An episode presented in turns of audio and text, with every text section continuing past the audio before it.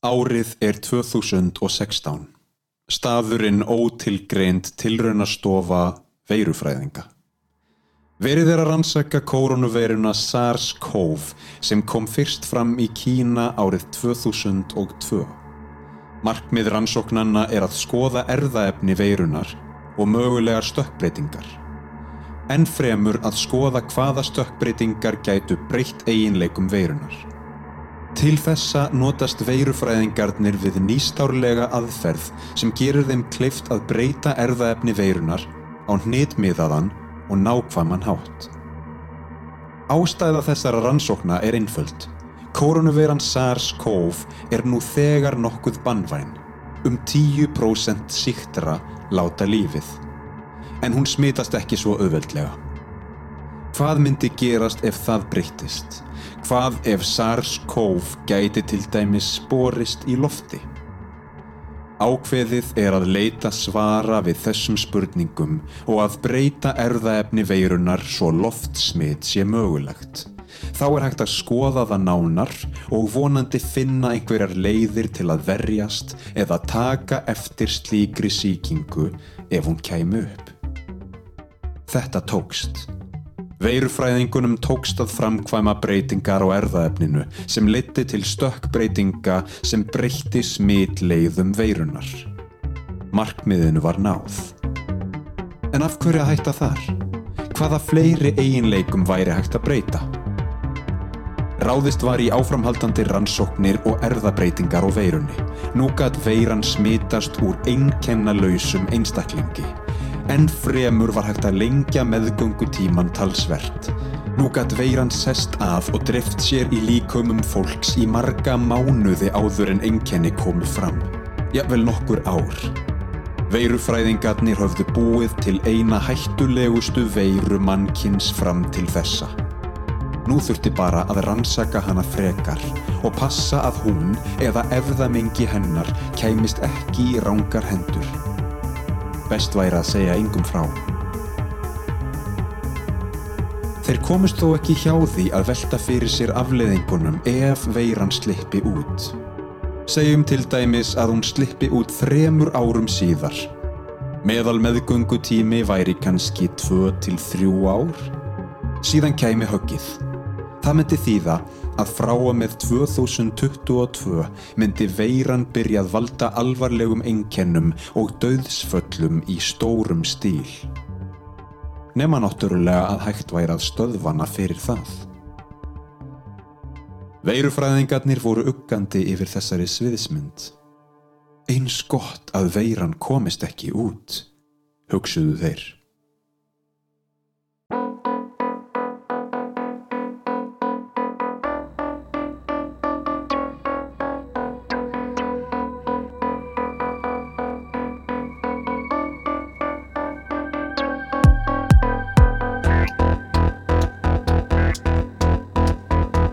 Gott fólk, verið velkomin í þátt nummer 19 af heimsendi. Hingað er komin Daniel Takefúsa Þórisson. Vertu velkomin. Takk. Við ætlum að ræða, sko ástæða fyrir því að, að við erum saman komnir hérna við tveir er að við erum mögulega einu, tveir Íslandinganir sem erum bæði með BS gráði í yðnarverkfræði Mm og BA gráði í leiklist. -hmm. Hefur við fundið fleiri? Nei, Ég hef ekki fundið neitt annan. Mér varst mjög gaman þegar uh, þú fórst í, eða komst inn í listaháskólan hérna heima Já. að það væri, sem sagt, þú varst bara, sko, það munna bara eitthvað svona ára á milli okkar í þessu öllu saman, sko. í þessu ferli ég held mér sér að, að því að ég held að ég hafi fyrst postað á Facebook Jæja, nú er ég orðin fyrsti yðnaðar uh, verkfræði mentaði maðurinn til að fara í leiklist á Íslandi en svo kom bara á daginn og það var ekki rétt.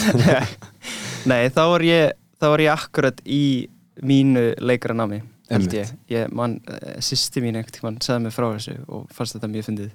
Já, já, já, já, og hérna, en svo sem þekktumst alveg fyrir, þannig að já ummitt ég sá þetta, mér finnst þetta mjög gaman.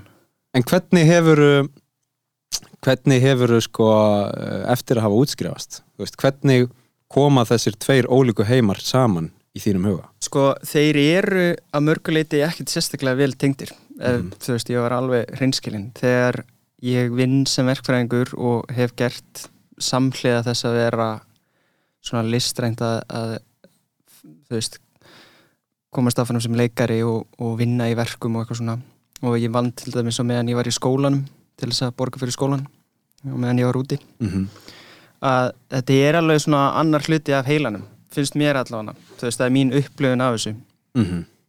að uh, það sem maður notar í verkfræði og það sem ég lærið og tók frá því er rosalega mikil struktúr og bestun Mhm. eins og við þekkjum það alltaf best allt sko og gera Já. allt bara eins efficient og hægt er en í leiklistinni þá veist, þá vill maður ekki vinna í ferkundum eða í hömlum eða veist að, að hamla að sér einhvern veginn maður vill vera með rosalega opin hug Mhm. fyrir alls konar og, hérna, og nýta þetta ímyndunarafl sem maður hefur Mhm. kannski það eina sem tengir þess að tvo hluti er kannski smá ímyndunarafl og, og, og jú, ég get sagt að sköpunin er það sem, það sem kannski tengir þetta líka Já, ég held að ég kaus að fara hana í verkfræðu sín tíma af því að ég hafði áhugað því en líka bara af því að mér leiði eins og ég væri að gera eitthvað sem ég geti unni við það sem ég geti verið að skapa eitthvað og Mhm. skilið eitthvað eftir þú veist, eitthvað hlutur eða eitthvað bara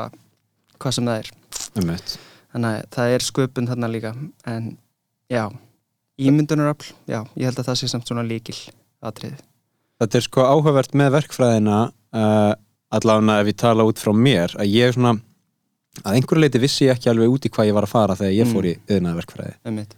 og það er áhugavert að þú segir að það sem þú tekur út úr því er eitthvað ákveðið. Mm uh, ég tengi mjög vel við það sko að þú veist, maður er hérna í þrjú ár maður lærir alls konar.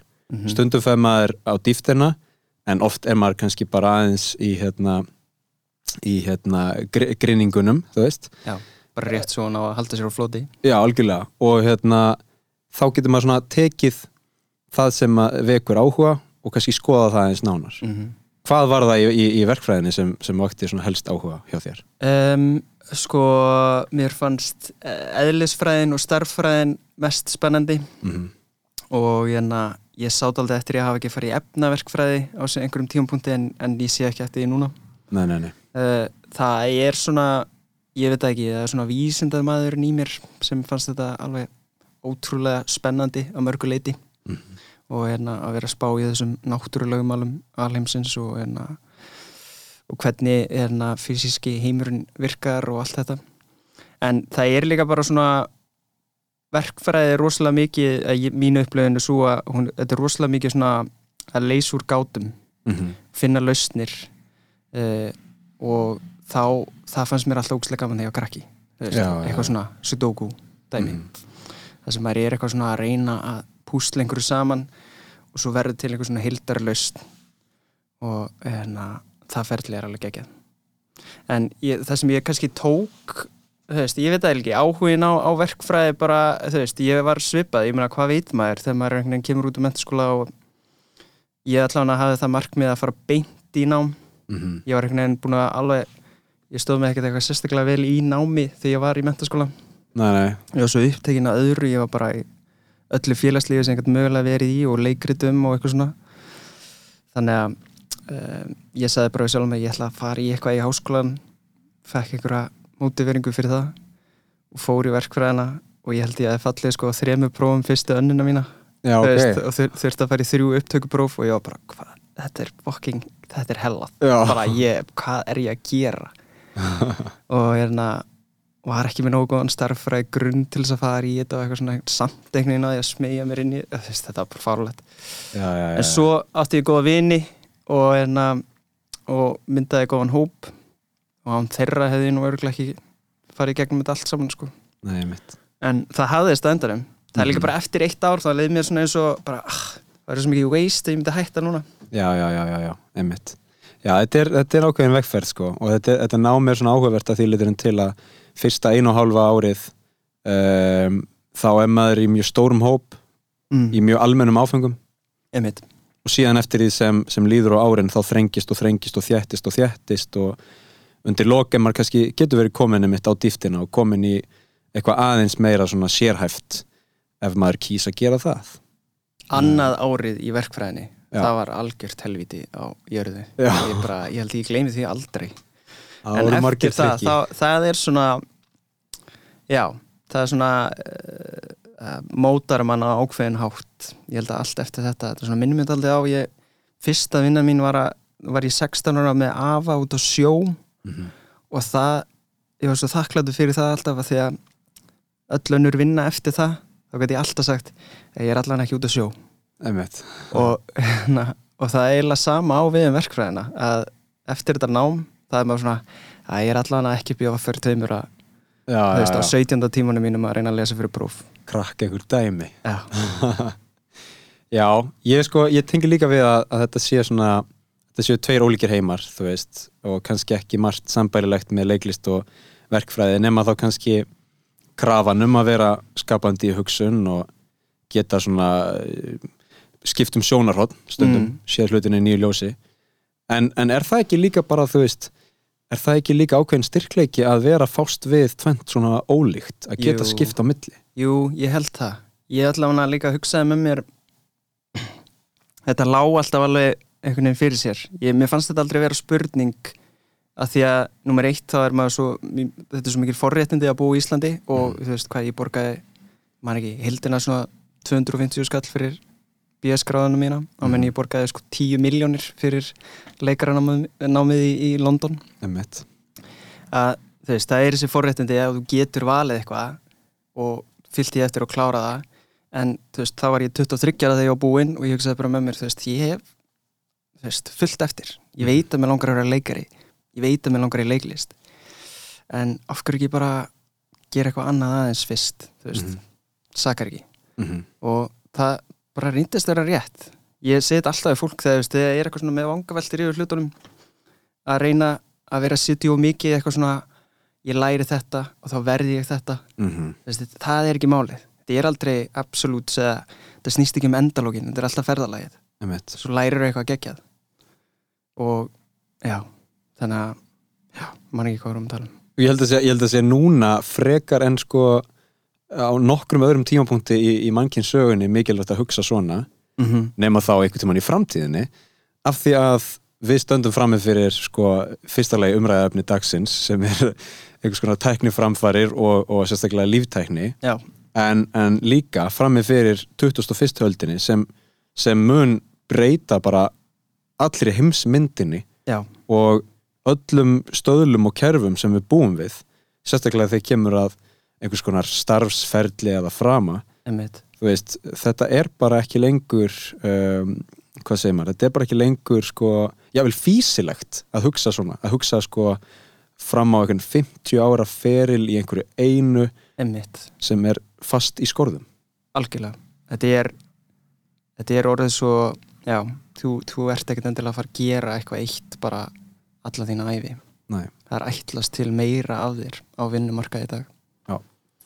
þetta er svona já, þetta er ákveðin þróun, þetta er alveg um, góði punktu sko, þetta er mjög sérstakt að hugsa tilbaka að meiri séu sko sérstaklega með nám veist, það er ekkert svo langt síðan að þú fóst í nám og, og þá er það alveg ritað í stein. Bara, þú fóst í kennaran og þú varst kennari. Það var ekkert annað. En fólk getur núna að fara í kennaran og enda síðan með því að vera listmálarar. Já, já, einmitt. Taland um það, eða sko taland um þessi hérna uh, já, svona að maður geti unnið á mörgum hver, hvers konar verkefni hefur verið að sinna ef við tökum bara sem verkfræðingur eða veist, sem verkfræðimentaður Sko ég vann fyrir fyrirtæki sem heitir Mar Orka Mhm. og vann það alveg það, það, ég var þar í, í rauninu sko í sjö ár en ég tók pásuðan inn á milli þegar ég fór í, í uh, leikaranám Mhm. og reyndi að vinna með skólanum í smá tíma en það var bara allt og mikið mm -hmm. þannig ég var að hætta því en hjá Mar Orku þá vann ég við uh, performance analysis og customer service Mhm. og þá uh, þetta er fyrirtæki sem býr til svona mælitæki sem fara um borð á hérna, flutningaskip og uh, þetta tekur alls konar gögn inn og með svona eðna, mathematical eða með svona starffræði módelum Mhm. uh, býr til svona já, plan fyrir skipið hvernig er best að sigla Já, já og þessi flutningaskip er alveg risastór þau eru alveg veist, halvur kílometr að, að lengt mhm, og hérna taka 22.000 gáma. Mhm. og þetta er svona alveg bara major dæmi. Og ef þeir spara eitthvað 8% af sinni orku eða eldsneitis það eru 8% eldsneitis nýting sem er svona stundum sem við vorum að selja að þá, e, þá er það bara einhverjum hundruð þúsunda ef ekki miljónir þú veist, efra á ári og mánuði. E, og já, þannig að ég vann í rauninni við það að setja upp þessi kerfi á þessum skipum og laga þegar það þurft að laga. Þetta var mjög skemmtilegt starf að því ég ferðast mjög mikið til Asíu var mikið í hérna Kína. Mhm, og, og þá var ég veist að hluta til beist í hérna London eftir hérna eftir námið mhm, og gæti tekið svona basically gig Já. að fara til Kína og setja upp kerfið um borða þessi skip og þá fekk ég einhvern nokkur hundur úrskalla eða eitthvað ég veit ekki eitthvað Já. til þess að halda mér gangandi um, Já, þannig að þetta er, þetta er mögnu tækni sko. þetta, þetta er einstakt fyrirtæki sem var stofnað bara fyrir þú veist 20 og eitthvað árum á Íslandi og var, þú veist, er bara elsta fyrirtæki af þessu tægi Mhm. í heiminum og í, þetta var hérna með glæsta drauma um að bjarga heiminum og minga eldsneitis nótkun einmitt, en það er rosalega staðrendi með þetta því að þú veist 15 stærstu 15 stærstu flutningaskip heimsins eru eh, valda jafn miklum skada fyrir andlum, andrumsloftið og hérna allur bílafloti heimsins. Já, já, já. Þannig að þetta skiptir rosalega miklu máli þegar kemur að þessu. Þetta er stór sneið í kökunni. Þetta er mjög stór sneið og hérna 90% af öllum uh, varningi í heiminum er fluttur með skipum. Að Já, mér finnst áhugavert líka að þú segir sko stökka til Kína og taka gig að því að líka sko það hérna, það er kannski ekki eitthvað sem við hugsum um þegar við hugsum um einhvern svona hefðbundin uh, starfsferil, eða þú veist.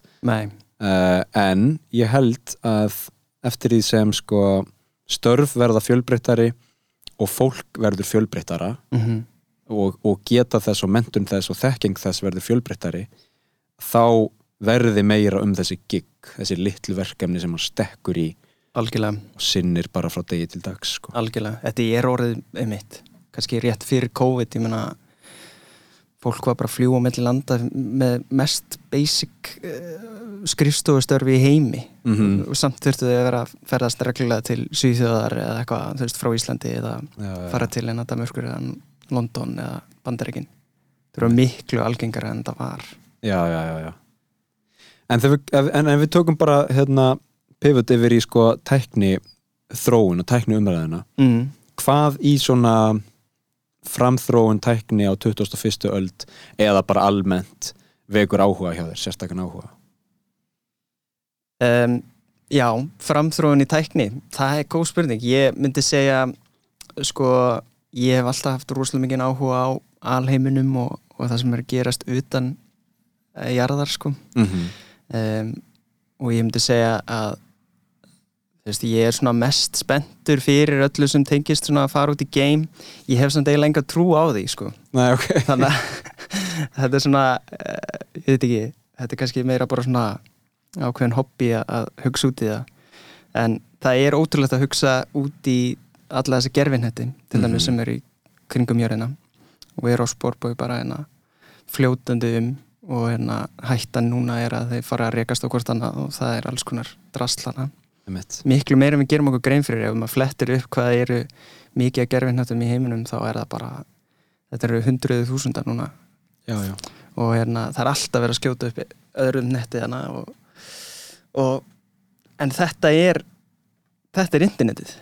Einmitt.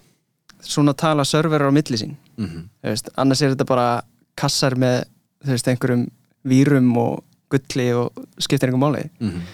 veist, þegar gögnin er ekki aðgengilega nema að þau fari í gegnum gerfinnetti þannig að þetta er ógeðslega mikilvægur hluti af bara heiminum í dag. Já, já, já.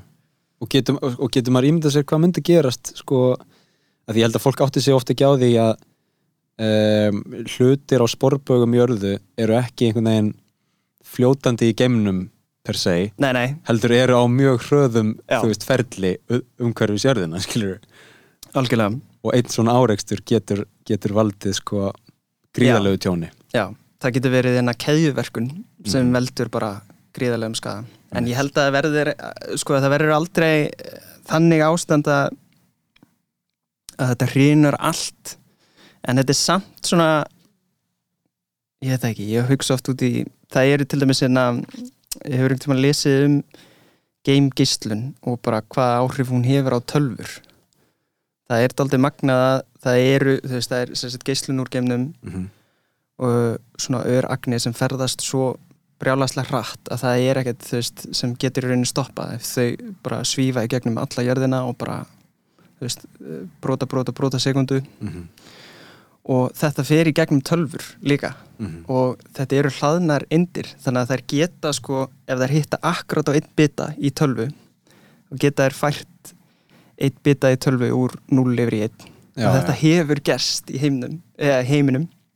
Það hefur gerst að hérna, veist, það var einhvern tímann hérna, Belgi einhverjum kostningum þá fekk einhver það var rafræn kostning og þá fekk einhver hérna, einhver sem var hérna, í frambóði fekk 4096 atkvæði fleiri en átt að fá eða eitthvað. Mhm. og það skildi enginn í því hvað það er skeið og held að vera eitthvað eitthvað svindl í gangi. Og svo kom bara í ljós að það var bara eitthvað ör, einhver ein ögn sem Já. hefði bara farið í gegnum tölvuna og bara svissaði einu núli í, í einn. Og það allt í henni fekk einhver 4000 atkvæði á réttum tíma á réttum stað eða á raungum tíma á raungum stað. Það fyrir eftir hvernig maður lítur á það. Og það er engin leið að stoppa þetta. Þetta er aldrei steikt dæmi. Mhm. þú getur bara stoppað þetta með því að búa til einhvers konar forrita einhvers konar varnarmekanisma. Þú getur Já, ekki bara sett eitthvað þú veist, blí Nei, ég veit Eitthvað. Já, við hérna um, það koma oft svona sko náttúrulega fyrir íslenska orðið er wake up call. Um, Uh, já, það er góð spurning. Vakningar. ég, ég er hræðilegur með stundum er ég mjög lélegur með íslensku. Ég ólst upp í London sko. Já, já, já. Þannig að ég ekki spurja mig þegar kemur að því að yfirfæra stundum orð þegar ég er alveg bara Nei, og þá, þá held ég að maður megi bara taka sér það að leifi að, að skálda upp eitthvað nýtt wake up call, hvað ætli það geti verið bara enna enna sko. sko, Ég myndi henda fram uppvakningar já, það, það, það er kannski með annari meiningu Já, ég veit En ég menna, þú veist, eins og fáum einhvern íslensku fræðingina til þess að Já, til að skera úr, Já. skera úr um Nei, eins og bara, þú veist uh, eins og með bara þetta- þennan hérna veirufaraldur, skilur Mm. um, Þetta er eitthvað svona þetta er e- stórt slag sem svona slær heimsbyðina bara utanundir og bara, þú veist, þið eruð ekki guðir ennþá, skilur nei, nei, alls ekki. Þið, þið, þið stjórnið ekki öllu, nei, nei, og það er sama með, með gerfinettina þú veist, núna við öll tengd eða bara flest öll tengd internetinu og, og, og oft á tímum með bara mikinn hraða og getum hérna nýtt tölvurnar til góðus til að auðvelda okkur eða erfið okkur lífið. Um, en svo gæti eitthvað svona gerst, eitthvað utanakomandi sem bara við höfum ekki stjórn á. við höfum ekki stjórn á sko. Það er alveg einmitt Það er svona existential pæling að, að, einmitt, að hafa ekki alveg fulla stjórn á þessu. En djöfull er samt magnað hvað mannskeppnan er komin langt. Mm að, sko, að því að við erum í raun að upplefa þetta transition, þess, veist, þessa breytingu sem er eiga sér stað núna að eina lífveran á jörðinni sem getur í rauninni varist veiru búið til bólefni gegn ákveðni veiru sem er að ráðast á ákveðna skefni -hmm. þetta er eiginlega alveg ótrúlegt líka Já. á þessum hraða að bara við séum komið þangað við, við erum með þessa líftækni Mm til þess að berjast gegn þessu er, mér finnst þetta í alvegni bara magnað Það er nefnilega málið. Þetta snýst allt um tíma og hraða. Þú veist, hlutir sem myndu gerast sko á mjög löngum tíma í náttúrunni. Já, miða við sko fjölda þeirra stökkbreytinga sem ættu sér stað getum við gert á örskótt stundu í höndunum á okkur með þeim aðferðum og þeirri tækni sem er til dæmis til í líftækni. Já, einmitt. Og mun, þú veist, eins og svo mörg önnur dæmi í tækni þróuninni mun þróast á einhvers konar, þú veist veldis e, vexti. vexti, um, þannig að, það, sem, það sem mér finnst rosalega áhugavert í þessari pælingu er sko hvenar tekur tæknin fram úr okkur uh, og verður einhvern veginn það hröð í vexti og háþróið að við við einhvern veginn missum sjónar af henni og hættum Mm. að geta verið í einhvers konar sko uh, yfir uh, hættum að geta haft einhvers konar yfirsýn Já, einmitt. Við erum hægt að skilja gögnin sem við erum að sækja okkur. Já. Það er mér skilst hefur gerst, gerðist vist fyrir löngu þar sem við erum að taka inn meiri eh, upplýsingar heldur en við gætum nokkuð tíman unnið úr. mm -hmm. Þannig að núna snýst þetta kannski meira um að vera selektív um hvað skiptir máli eða eitthvað. Já, já, já En mér finnst þetta mögnuð pælinga mitt að þú veist, við mannskeppna, við getum alveg verið daldið svona kvatvís mm -hmm. gert hluti sem er ekkert sérstaklega sniðir og höfum verið tæp áður. Hér Já. var nú kallt stríð sinni sem var nú bara raunverulega hættulegt. Mér finnst það eiginlega kannski það sem hræði mig mest er að vita til þess að það sé til svona mikið magna kjarnokkursprengjum í heiminum. Mm -hmm. það er ekkert eh, sérstaklega sniðut Nei, og ég hef heyrt með það sko um, í svona tvær, tvær staðarindir eða tvær skýringar, greiningar. Annars vegar uh, að í raun voru þarna möguleikar til að granda heiminum mm. í höndum þú veist, tveggjara manna tveggja manna, tveggja þjóða, tveggja manna tveggja aðila eða tveggja eininga. Um, þess, þessi sko þessir möguleikar munu falla í fleiri hendur á næstu áratugum. Já, það er mjög hræðileg staðrind Já, með, með sko þeirri einföldu skýringu að, að vopnin verða minni og e, dreifðari og aðgengilegri veist, og þá erum við ekki að tala um kjarnorkuvopn heldur. Mögulega einhverja, einhverja tæknithróun í, í gerfigreind eða í líftækni.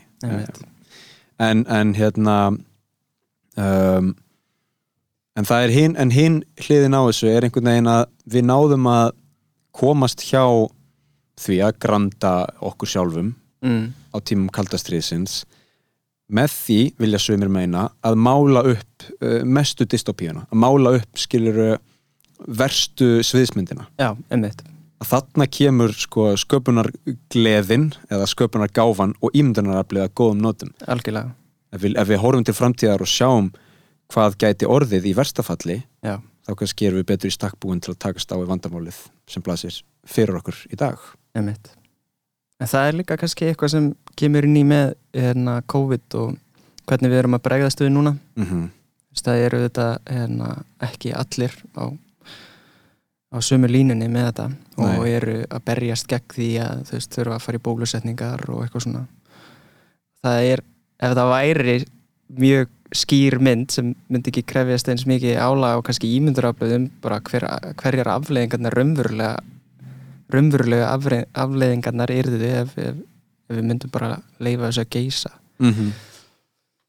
Já, það er kannski hérna, það spilar mikið inn í held ég það er mjög auðvelt að, að, að náttúrulega sjá bara myndefni frá Hiroshima og eitthvað svona af hvað kjarnorku geta gerst sko. já, já, já Einmitt. Þúslega þúnd og drungalett podcast hérna. já, já, já við ætlum að fara, við ætlum að grafa, grafa hérna á dýftina og svo kannski finnum við ljósið ykkur Mér liður þess að ég sé ykkur spekulant ég samt eiginlega veit ekkert um neitt af því sem ég er að segja þannig að Nei, við vorum að ræða í síðasta þætti sko að við titlum okkur hér uh, Theorist.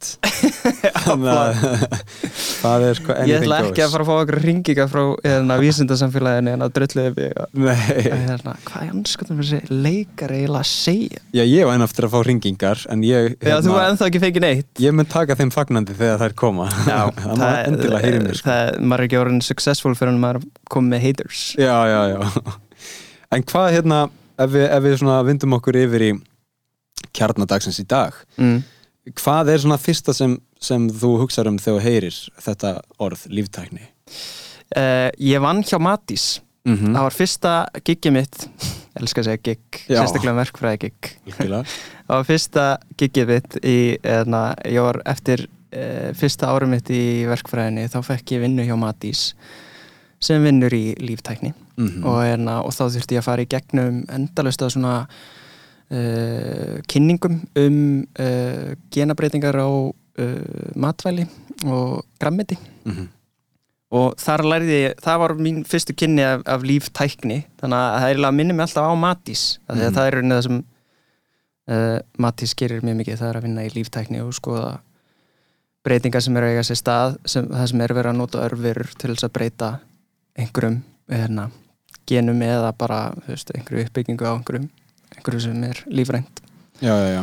Uh, og það er gaman að segja frá því að ég lærði þar uh, að til dæmis svona genabreitingar og genetic modification og hérna, mutation mm eru rosalega svona hörð orð, skeri -hmm. en fela í rauninu með sér rosalega einfaldan prósess, sérstaklega þegar kemur að því með, hérna, með grannmeti og svoleiðis. Mhm. að þú veist, þá ertu bara með plöndu og þú vilt að hún búi til meira A-vítamín eða eitthvað. Mhm.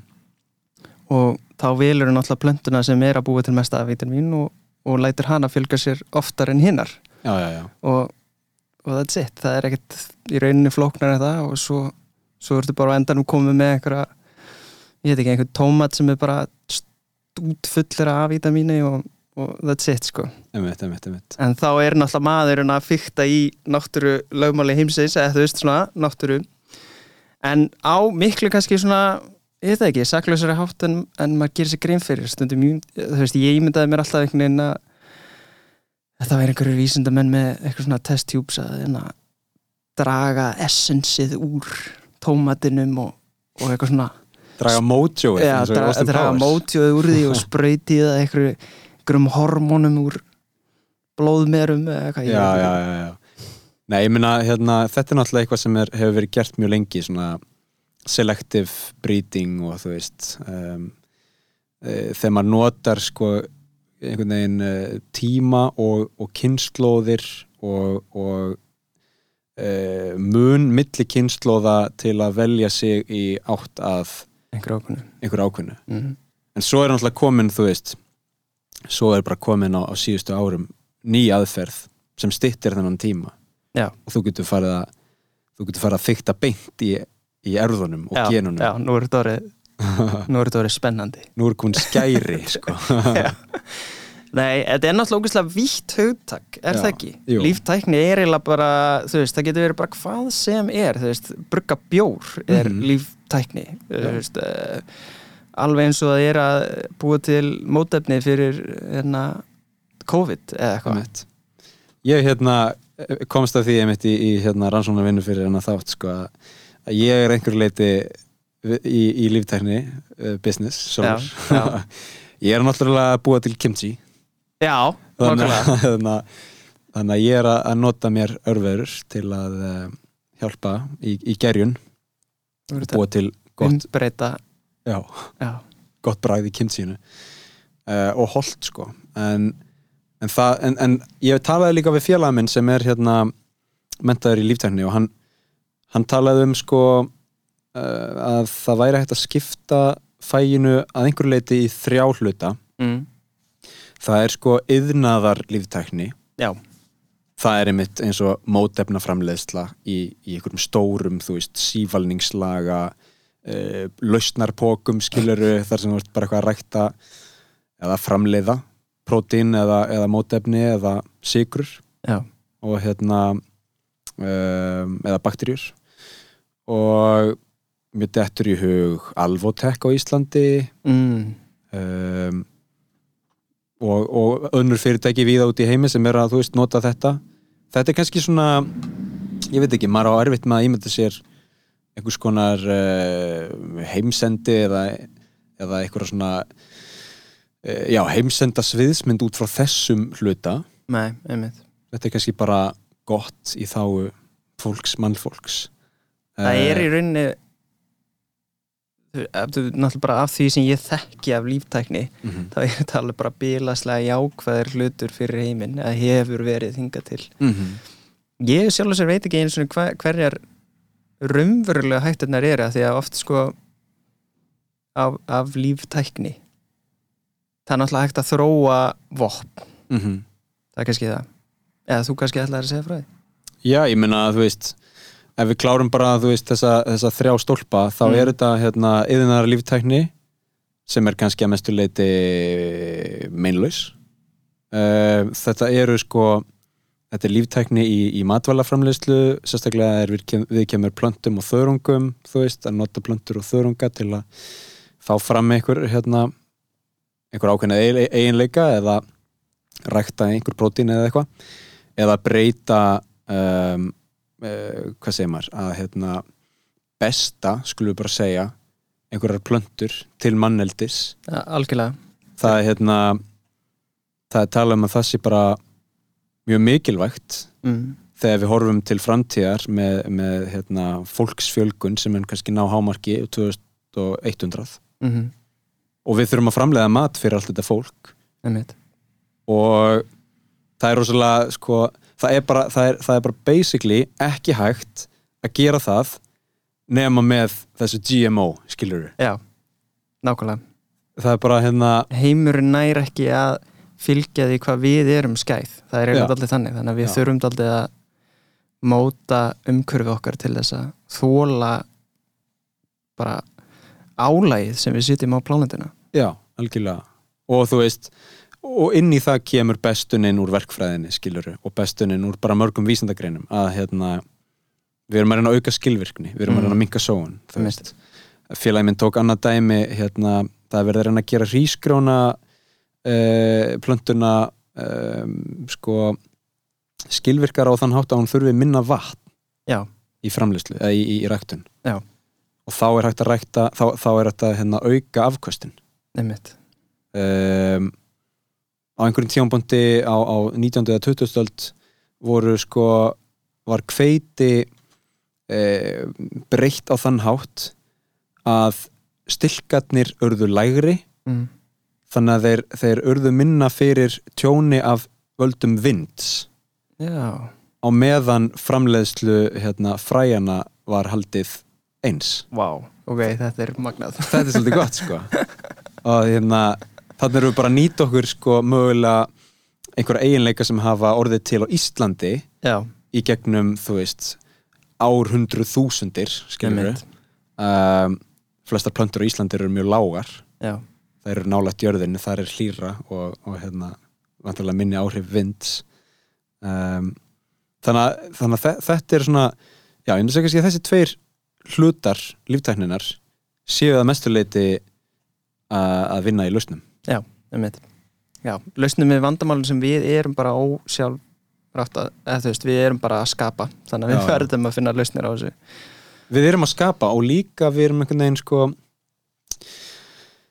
við getum, að, þú veist, það er engin stopptaki skilur við Nei, það er ekkert sem við getum gert. Jafnvel þó að allir í heiminum myndu komast að þeirri niðurstöðu að við erum að framþróast of hratt og við erum að fara of illa með uh, það sem við höfum það er bara engin stopptæki nei, bylgjan er bara farin af stað. Nefnitt þannig við verðum einhvern veginn að halda bara áfram í framþróuninni til að reyna að hérna, finna lausnir sem, sem geta haldið lífi okkur sko. Já, allavega ef við myndum halda áfram eins og við erum að gera núna bara án þess að- bæta við neittni framþróun í, í tækni eða líftækni mm -hmm. þá erum við náttúrulega bara gjössamlega dúmd þá er þetta búið. Búið. En svo komum við að þriðja hérna, þætti, þriðja hlutanum. Og það er sko það er uh, annars vegar sko einhvers konar livjæðinaður mm. en hins vegar eru það þú veist uh, notkun á líftækni í rannsóknum og tilraunum með fólk. Já, það er að segja þú veist þegar við erum farin að erfðabreita genamengi manna mm þá erum við kannski komin inn á aðeins erfiðara svæði. Já það er náttúrulega mjög svona mm, já, filosofíst og maður þarf að spyrja samlega sig hvað er rétt og hvað er ránt mm -hmm. af því við getum ekki sko við getum ekki tekið hvítu hérna, tilrunamúsina og Hvítu- yfirfært hann á, á mannskeppnina nei, það er ekki físulegt, það er ekki skilur Nei, þetta er alveg er ekki samt líka lang flestir frekar ég myndi halda heimurinn er frekar svona einróma með þetta að við eigum ekkert að vera að pota mikið í þessu. Mm -hmm. en svo náttúrulega kemur inn í ég meina, það hatt allir krabba minn og þú veist, það er ákveðni sjúkdómar sem hægt er að kannski að vinna úr. Ég veit ekki. Algjörlega, ég held að þetta sé bara á sama hátt og hérna reiknirit og, og einhvers konar gerfugrind um, að sko þetta færir öfgana í báðar áttir, mjög Já. langt. Já, það, veist, það er eitthvað rosalega magnað og gott sem getur komið út úr þessu. Mm það er líka eitthvað rosalega sinistur og slæmt sem getur komið já út úr því. nákvæmlega. Og hérna, svipað á með kjarnorku og já, í raun skilur, í raun, bara alltaf þegar við hérna, alltaf þegar við hoppum mjög hátt til heimins og, og fljúum skiluru og hérna fljúum svolítið nálægt sólu þá einhvern veginn, þú veist þá, þá eigum við að hættu að, að hérna prjóna yfir okkur. Já. Þetta er rosalega filosofist þetta eru djúpar pælingar hérna sko. Já, því að þetta er líka, ég spái oft í þessu að allt sem við gerum mannskeppnan það er það er ekkit bara eitthvað af einhverju svona tilviljun þetta er svona daldið kjarnin í okkur veist, Mhm. við erum bara það sem við erum við erum, þetta er mannskeppnan hún er að spyrja sér spurninga hún er alheimurinn að, að reyna að spá í sjálfum sér Mhm. og við e- einhvern veginn við lærum með því að mistakast rosalega mikið og það er já, maður getur, maður getur farið svo langt í þetta að fara svona ekstrím út í bara eitthvað, já, já, gerum bara allt sem okkur dettir í hug Já, það er einmitt málið. Þú veist, við lærum af mistökunum en þá er bara spurningin sko ég trúiði líka sko að fólk eh, þú veist, almennt og þetta er allavega mínu upplifin eftir að svona ferðast alveg ágætlega mikið um heiminn og unnið á mismundu stöðum Mhm.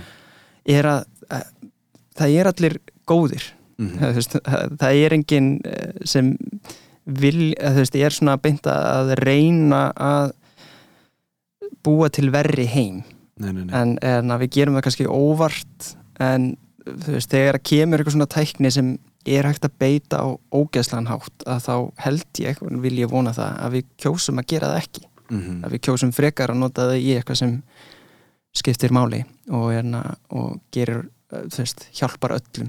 Já, ég meina það hefur sínt sig þegar hérna þegar sko radarinn fór að pípa hjá sovjetmönnum, skiluru og hérna allt, allt fór á allt fór á stað og rauða viðvörunabjallan fór á stað.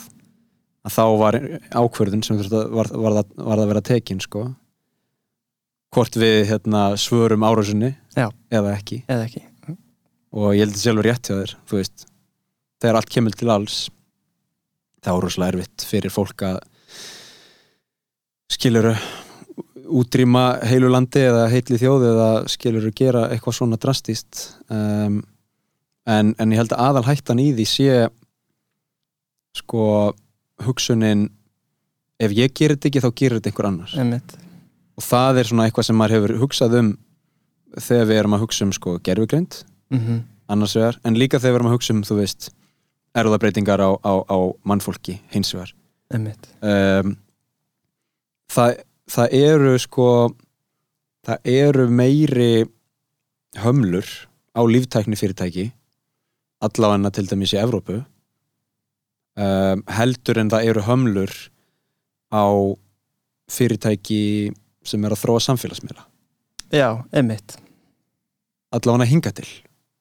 Mér finnst það svo núna upp á síðkastið sé fólk virkilega farið að spyrja sig hvort að við þurfum ekki aðeins að fara að endurskoða uh, reglugerð, reglugerðir og regluverkið í kringum þessi stórfyrirtæki internetsins. Einmitt. en, en þau einhvern veginn fengu að vaksa svolítið ótakmarkað Mm áður en þessum spurningum var varpa, varpað fram. Já. það er blessunlega búið að varpa þessum spurningum fram áður en að líftæknin uh, springur út. Já, þetta er skemmtilega punktur, þetta er mjög rétt að þeirra. Það er það er, eh, ég er núna til dæmis með samfélagsmiðla og að leifa þeim bara hömlulegst að vinna eins og þú veist, eitthvað hvað annað fyrirtæki þegar þetta er í rauninni eh, þú veist eh, svona lítil en að eins og bara svona lítil þjóð hvað maður að segja, þú veist, svona en að government Já, bara svona- ríkisvald, þetta er bara svona eins og mm. form af ríkisvaldi mm -hmm.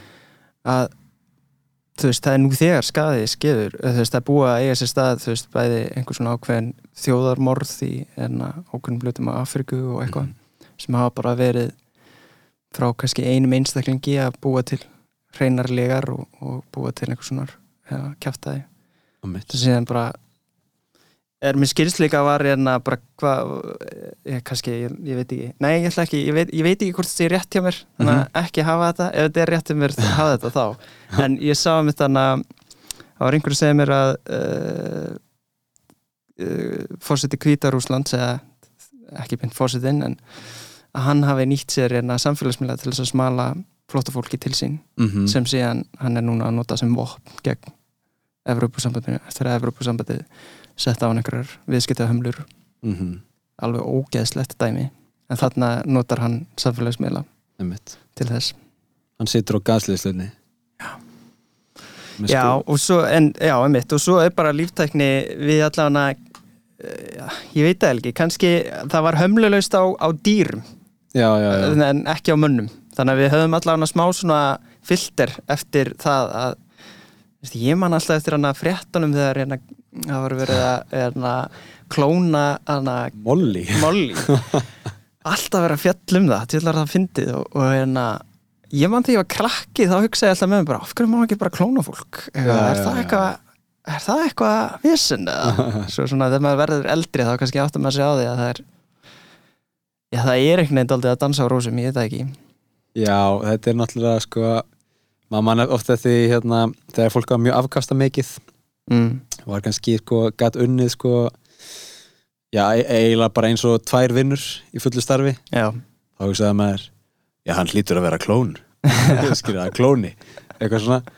Og hérna það var eitthvað bíómynd um, með Schwarzenegger þar sem hann var klóni eitthvað þetta er svona klóni, orðið klóni er eitthvað sem var miklu frekar relevant fyrir 10, 15, 20 árum. Emmitt ég hef ekki heyrt þetta mjög lengi. Nei, ekki heldur. Um, ég vil væri ég samt til í þér myndi prófa þetta? Já, svona í alvöru talað? Ég veit Nei, það er því meira sem ég hugsa út í það því ógislega er að einhvern veginn að, að skapa mannesku þannig, já, en ég held samt að það sem er, þú veist, þetta er ekkert mikið öðruvísi heldur en að vera tvíbur það sem ert bara með nákvæmlega sömu genasúpuna Mhm. og eh, þeir sem vilja, þú veist, ef þú trúir á sál að þá er þetta kannski alveg frekar mögnuð pæling. Ég er svona daldið, mér finnst þetta skemmtilegt að hafa þá svona hérna, trú, að trúa á einhverja sál. Mhm. þannig að það væri gaman að sjá hvað ég, ég er mjög forvitin, eða heyrist kannski ég er mjög forvitin. Já, það er mjög gott sko. En þú veist, þá spyr maður sér á móti hvað er sterk gerfigreind sem er skilur meðutum um sjálfa sig er, er, þú Er það eitthvað að fara að gerast eða? Þú tókst, tókst ekki þetta fyrir einhver- í einhverjum þætti? Ég hef alltaf verið bara alveg, alveg fastur á því allan að frá því ég var í verkaðinni að, að raunveruleg gerfigreind getur aldrei orðið til. Nei, hún getur ekki verið sjálf hugsandi, hún getur verið klárari en á endanum er þetta bara þú veist, gerfigreind er, er machine learning og machine learning er bara erna, static, þú veist, það er bara statistics, þú veist, og þú segir bara eitthvað x, gerði þetta. Ég sko ég er ekkert að býða eftir henni í raun, þú veist. En hérna mér finnst mjög áhugavert að, að pæla í uh, henni þú veist, innan gæðsarleppa sem mögulegri framtíð. Líka bara til að skoða einhvern veginn bara út frá ímyndunaraflinu, skilur hvað gæti orðið og hvað myndi vera og þú veist um, þetta er svona sko ef gerfi greindin fengi að ráða og væri með eitthvað hella, þú veist, væri með við værum komið það langt að við værum með svona líftækni þróun sem gerfi grindir að búa til þá myndi hún hygglust búa klóna mannesku ekki hugsa til þess að það því hún er ekki með tilfinningar. Já, já, já. Já, ég hef nú talað fyrir því sko að við erum að búa, til, búa um gerfugrindina hérna um, þannig að hún hefði sko samkend og, og hérna myndi ekki vilja um, grand okkur, þú veist, af því að ef að hún væri með eitthvað ákveði markmið sem hún, sem hún væri sko prógramerð til, að- til að ná þá sé ég enga ástæðu fyrir okkur að vera á lífi, eða þú veist. Já, minnar, ég veit ekki, veit ekki að hvaða leiti sko við myndum hjálpa henni í því markmiði. Eða gætum hjálpa henni. En- en ég er alveg sammála vissulega, þú veist, þetta er náttúrulega eitthvað sko sem er ekki að fara að gerast á morgun og mögulega aldrei og, vonandi bara aldrei af því að það hérna um, það er eins og þú segir þú veist, við erum eina dýrategundin sem, sem getur um, erfðabreitt veiru, skiluru Já. erfðabreitt okkur sjálfum við erum eina dýrategundin sem getur uh, skotið munum frá jörðu og okkur sjálfum frá jörðu og til annara reikistjarna þú veist. en um leið og eitthvað svona eitthvað svona tækni kemur fram mm þá værum við nummer tvö já, já, já. Þá værum við ekki lengur skiluru, guðir. Alfa.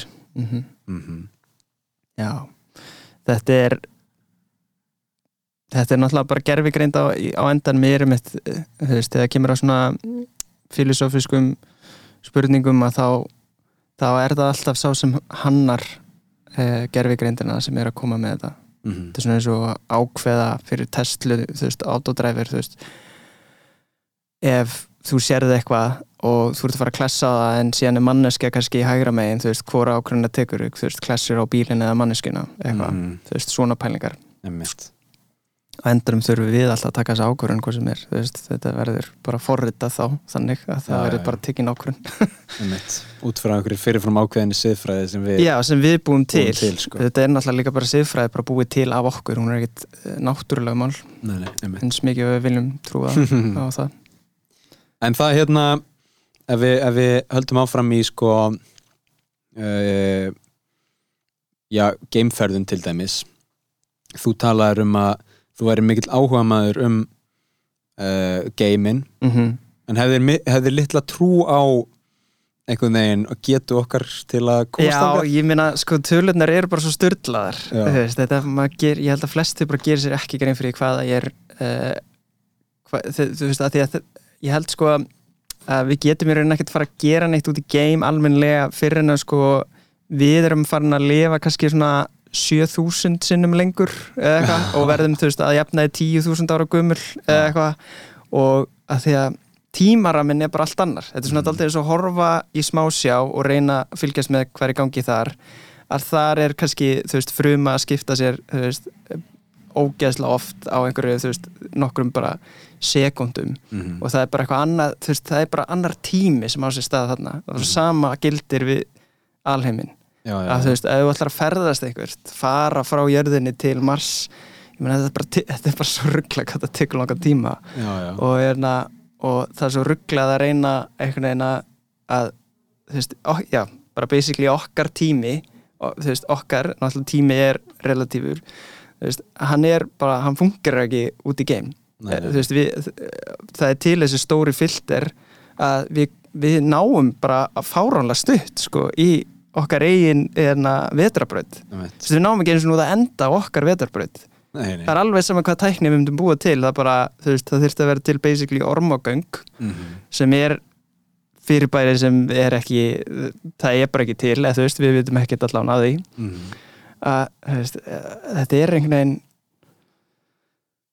það þarf eitthvað rosalega mikið að gerast til þess að það sé mjöguleiki að vinna með þetta ég veit ekki, ég mér finnst skemmtilegt að spá í því að, búa á tunglinu. Já, það er alveg cool. Já, en ég meina hvað, þú veist, það er bara gleymdi því að við sem að fara að búa til einhverja tækni að flytja allt mannkinni yfir einhverja aðra plánutu eða eitthvað þegar þú veist við höfum 10 miljón ár eða eitthvað svoleiðis, ég man ekki hvað það var þegar þá til að sólinn fer að þennjast út. Einmitt. og, enna, og gleipur okkur. Þannig að ég held að það sé bara okkar tímarami og þetta sé sko. það Já. er ekkert Ég held við verðum nú annarkvort sko, orð, orð, orðin guðir eða, eða útdauð áður en það gerist sko. en, en hérna ég meina sko stærð verkefnisins og erfileikasti verkefnisins kemur ekki veg fyrir að hérna, fólk vinnur statt og stöðugt við eitthvað svona við. Eitthvað, Elon Musk er bara hérna, hann er bara staðiráðin hann er bara staðráðinn Já. skilur við og hérna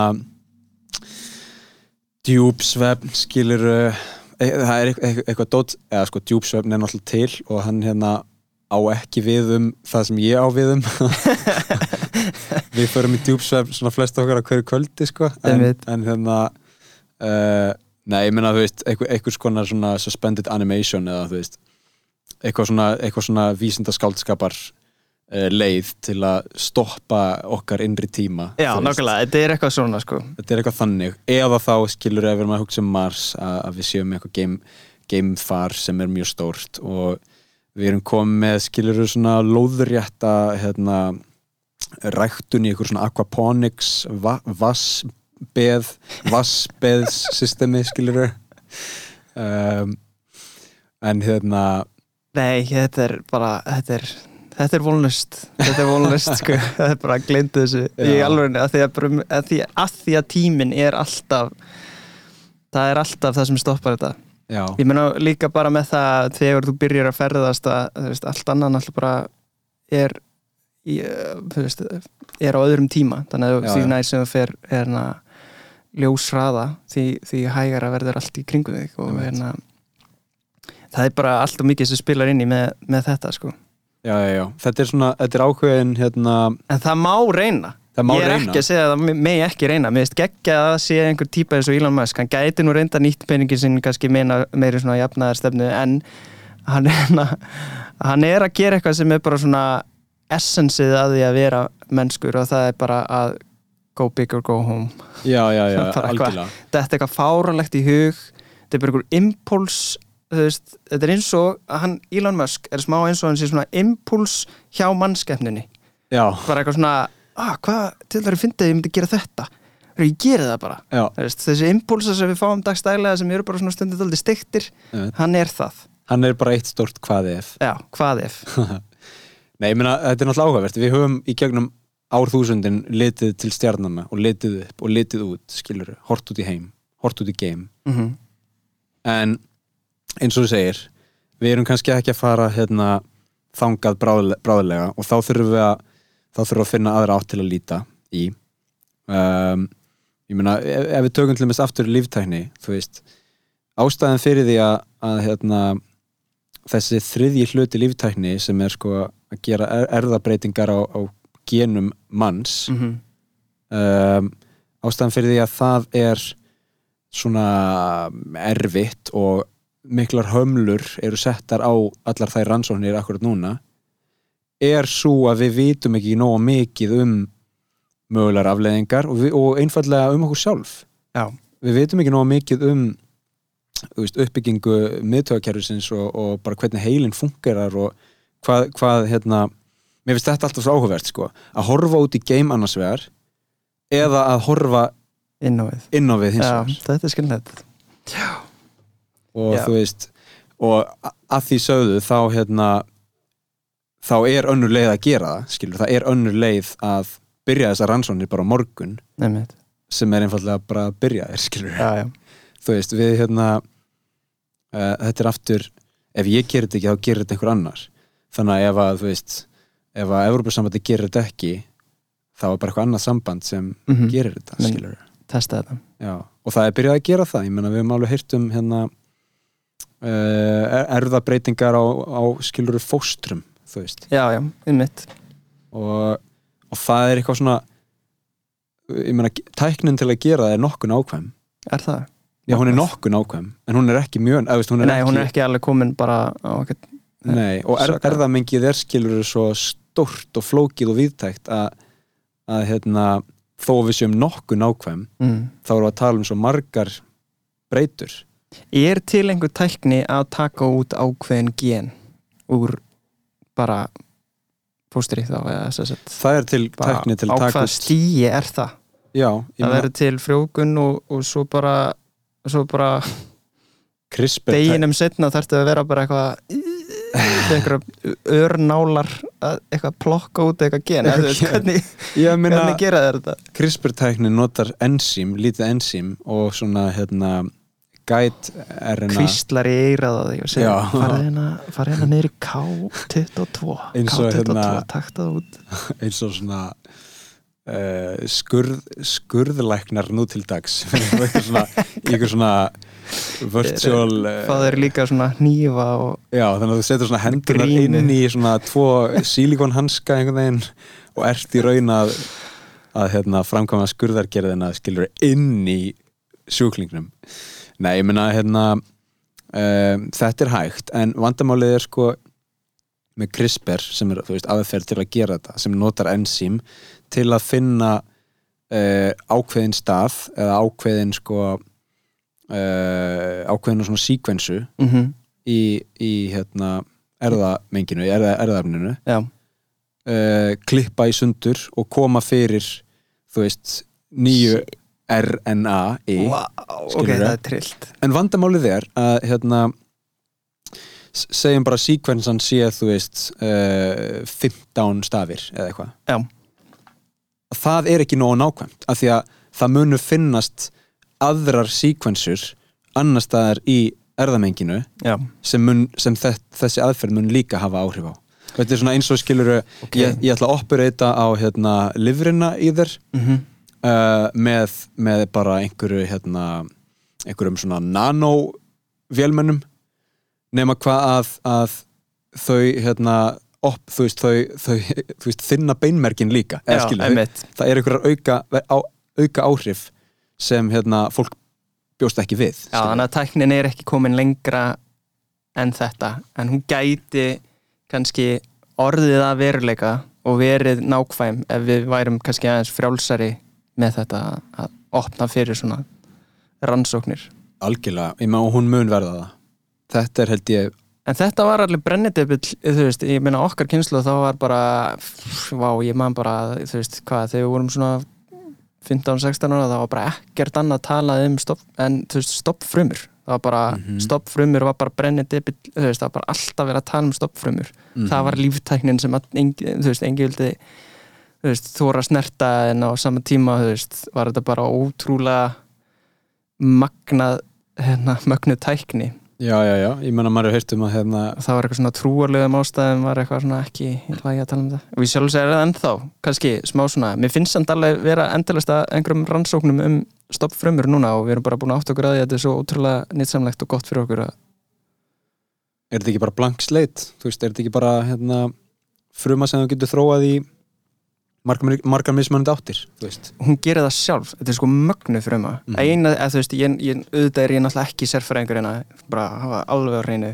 Þetta er, þetta er mí- mín vitneski af þessu er að stoppfrumur eru þannig að verða til þess að frjófgun Mhm. og, er na, og er bara fruma sem er af einhverjum ástæðum bara eins og sé nánast með sjálfstæðan vilja og hugsun af því að allar aðrar frumur eru bara alveg prógramaðar til þess að gera hitt og þetta og bara, þú veist, ég fer bara að búa til eitthvað eða tauga kerfi og eitthvað svona bla. en stoppfruma er eina fruman sem getur sko, þú getur sett hann einhvers staðar í einhver aðstæður og hún veit að það vantar eitthvað mhm, og fer þá að framleiða það. Mhm. Basically bara eins og eitthvað svona töfra fruma sem bara þú veist, þú stráir yfir eitthvað og þá bara eitthvað, verður til akkurat þarna einhver taugamyndun sem vantaði eða eitthvað. Þetta er svo starfsmæður í fyrirtæki sem er með óbyrlandi frumkvæði. Já, þannig að ég bara, þú veist já, ég meina ég hef heyrt hérna skemmtilegar hugmyndir um sko þegar þú lætur rífa úr þér endajæslana og sendir þá til Silicon Valley eða eitthvað skilur í einhverja fristingu og svo setna mér, þú veist, þegar þú hérna veikist eða eitthvað þá hérna sækjur í stopnfrumennar í endajökslunum og býr til, þú veist. Eru stoppfrumur í endajúslunum já, já, ég held að ég held Vá, að ég vissi það ekki, það er magnað. Af hverju endajúslunum? Já, það er góð pæling sko. En ég hann að hérna hrósa happi við því að vera með alla fjóra endajökslana Já, ég er búin að láta taka tvo, það var mjög vond. Já, ég trúi því reyndar.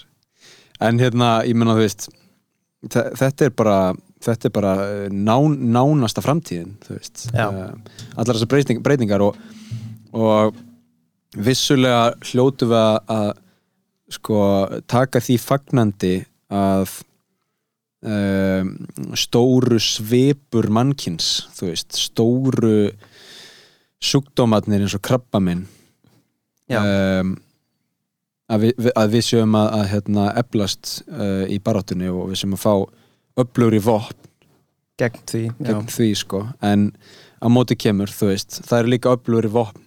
Eða það eru, svona, það eru meiri möguleikar til að fokki okkur sjálfum líka, skilur Hvað eru svona mestu hættunar? Já, það er Myndirðu til dæmis, já, ég myndi halda að það væri til dæmis sko erðabreitingar hérna á veirum. Já, algjörlega. Um, En það er náttúrulega bara, það er eitthvað sem við gerum bara mjög mikið. Já, ég, ég meina Þú veist, við erum alltaf búið til mótefni fyrir einhverjum veirum sem er ekki til, eða þú veist, sem eru bara ekki til í heiminum. Við erum bara búin að búa þau til sjálf. Er það ekki, Ertu að tala um ég er að tala um 20 days later en Já, já, já. Nei, Nei, ég er að tala um í alvörinni það er bara, Jú, ég meina, það eru til hérna Ég heldur endar að það uh, eftir sko alls konar svona tilruna stofu slís þar sem veirur hafa sloppið út þá, þá er aðeins verið að endurhugsa regluverkið í kringu það. Ég er ógeðslega hættulegt. Þetta er ógæslega hættulegt og við, við hugsum alltaf um sko, einmitt, eitthvað 28 days later og World War C og eitthvað svona. Fólk í einhverjum fólk í einhverjum hérna, bú, búblum skilur, bú, búblugöllum þú veist. En, en fyrir 30 árum þá varstu að vinna á svona tilraunastofu og varst ekkert í svona búblugalla skilur Nei, þannig að það er eitthvað sem kom út frá því að veirur voru að sleppa af þessum já. Og hérna Við vitum ekki alltaf alveg hvað við erum að gera. Nei, Dálítið sko. Við erum svo hérna, flott annars vegar en svo erum við líka bara apar með veirur í vegar, Algjörlega. uh, Ég heyrði eitt áhugavert með hérna, með sko eh, influensu, influensa veiruna. Um, hún er svona tölfræðin segir að hún sé annarkvort oftast annarkvort mjög bannvæn mm, og ekki mjög smitandi. Ok, eða mjög smitandi og ekki mjög bannvæn nú, ok. Þú veist, þetta er svona ég meina, þá þarf maður bara svona að fara að hugsa líka hvað er veira og hvað Já. er hennar markmið Einmitt, innan geðsalapa um, veira er náttúrulega bara erðaefni, þú veist Já. í einhverju, einhverjum hjúp. En hérna en hún er vantalega með eitthvað markmið þú veist, meðvitað eða ómeðvitað líklega ómeðvitað. Um, og ef að hún ef að hún er mjög bannvæn en en hérna sm smitast ekki vel mhm, um, þá þýðir það að hún getur fjölga sér líklega mjög mikið inn í sjúklingnum mhm, áður en hún dregur hann til dauða. Mhm. En hún er ekki mikið að stökkva á milli veist. Já, svo er hinn hin hliðin, hún er ekki mjög bannvæn mm, þá fjölgar hún sér ekki mjög mikið innan sjúklings. Einmitt þetta er einmitt aftur hérna ekki sérfræðingur sem talar heldur minnskilningur en, en á móti kemur að hún er mjög smitandi og hún hérna dreifir sér hratt. Já, en svo eru við með einhverjar tilraunastofur þar sem fólk segir byrðunum við mjög bannvæn og mjög smitandi. Hvað ef við myndum gera það? Og þá ertu komið með superveiru þetta er versti fundur sem gerður hefur verið. Hvað við tökum tvo verstu eiginleika af verstu hlutum sem við getum ímyndað okkur? Sittum þá saman. En byrju, af hverju að gera það? Já, það er nú til að, hérna, já, það er bara til að rannsaka. Þetta er frábært, hérna eru miljardir í Já, fjármagn fyrir ykkur. Já, já, já. Og, og ef, ef við þurfum að nota þetta einhvern tímann, þá heyrim við ykkur. En passi, passi, passi þetta fara alls ekki út. Það má alls ekki fara út og helst segja engum frá þessu. En haldið það fram. þetta er samt alveg, þetta er ógeðslega skeri Sérstaklega með COVID núna hvað, það, maður sér hvað þetta er hættulegt Mhm. Þetta er náttúrulega bara, þetta er í rauninni miklu hættulegra heldur en kjarnorku hérna rannsóknir, af því að það er hægt að, eins og bara með Tjernobyl, það er hægt að stöðva eitrunina, Mm en veira er bara glimti því, þú veist, þetta er bara þetta er ekkert djók, sko. Nei. hún er nógu skæð, Mm þá bara það, við getum alveg lendið að eiga ekki séns. Já, að því að hún líka stökkbreytist sjálf, þú veist, það er einhvers konar, hérna, En er það ekki stóri þátturinn í til dæmis COVID núna? Er Mhm. hræðslan sem hefur verið, þú veist, ástæðan fyrir að þetta var bara strax gert að, að hérna, heimsfaraldri er að því að hún var að stökkbreytast svo mikið inn í hverjum einstaklingi. Þannig að hún var að ná einhverju svona kynnslöðstökki sem manlega við myndum sjá á einhverju miklu lengra tímabili. Og þar að leiðandi var hún að búa til nýjar útgáður sjálfur sér sem, þú veist, við erum til dæmis núna að, alltaf að kljást við. Jú, það og það er ekkert eitthvað eðlilegt með öðrum bæði koronavírus veirum og öðrum veirum almennt að, að þeir ná ekki að fylgja sig eða þú veist, hvort þeir ná ekki að stökkbreytast eins, þú veist, drastíst eða eitthvað, ég veit ekki Það er þá bara þetta tvent, skilur að COVID-veiran er ekkit rosalega bannvæn með að við margar aðrar mm. uh, en hún er frekar smitandi og hérna mögulega er meira magn af veiru í smituðum einstaklingi Mm heldur en í, í, í hérna, öðrum veirum Já. þannig að þú veist meira, vagn, meira magn af veiru í fleiri einstaklingum þýðir bara fleiri tækifæri fyrir stökkbreytingar að eiga sér stað. Einmitt. það er bara þetta, er, þetta snýst allt um tölfræði, skilur Já. og hérna þetta geti alveg verið þetta geti alveg verið skýring sko. Ég, En hvað er, er það viðurkend í vísindala uh, svona í samfélaginu að hvort að vera sér lifandi eða, eða ekki er það búið að svara þeirri spurningu? Þegar ég, ég man að það var alltaf bara svona alveg rosalega svona ósvara þegar við vorum að læra með þetta í skóla. Mm að því að hún er með DNA sem hún er að, þú veist, það er eins og hún sé með einhvern ásetning en er í rauninni flýtur bara um og er bara eitthvað, já, einmitt. bara eitthvað svona Um, rekst í hluti og basically ég er ekki að leita sér að mat heldur bara einmitt. Já, ég meina, erum við ekki á tímum sko spektrumsins uh, og svona non-binary þá er þetta kannski bara eitthvað mitt á milli. Já, vá, skemmtileg pæling, jú, það er mjög rétt. Við erum hægt að vera svona ógeðslega ferkantið í öllu sem við hugsum um að við áttum okkur að því að það er það er grátt svæði í öllum. Það er ekki einmitt bara málið, já. Það getur verið sko að, að veiran hérna býr þar. En þú veist ég veit ekki, ég meina uh, veirur eru bara áhugaverðar. Uh, þú veist, ég, ég, rakst á, á grein þar sem fyrir, fyrirsögnin var einhvern veginn af hverju eru allir að missa vitið skilur eða, eða við skulum kannski ekki orða það þannig af hverju er hérna af hverju eru við búin að vera að hugsa um COVID í tvö ár? Mm.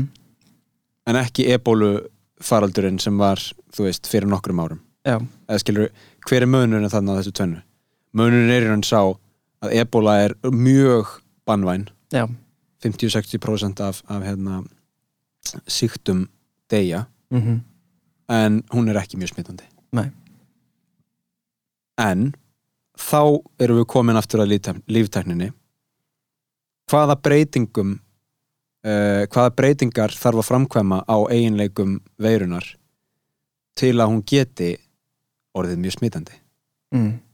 þú veist um, já, hérna, félagi minn sem er, sem er enn og aftur lærður í líftækni, hann talaði um annað dæmi um, það er eitt sem gerir fólki mjög erfitt fyrir að kljást við veirur og það er sko meðgangutími veirunar Já, þú veist, það er svo tími frá smiti yfir í um, að, að sýkingin komi fram í enginum og ef að meðgangutími er langur þá getur verið mögulega einkennulust að dreifa, dreifa veirunni skiluru, dreifa smitinu um, um, áður en þú veist að þú ert Einmitt, og hérna HVV veiran er, er til dæmis dæmi um, um veiru þar sem meðgangutímin er mjög langur. En, en hún er með ákveðna smitleðir já, hvað ef að hérna, þær smitleðir myndu breytast? Einmitt.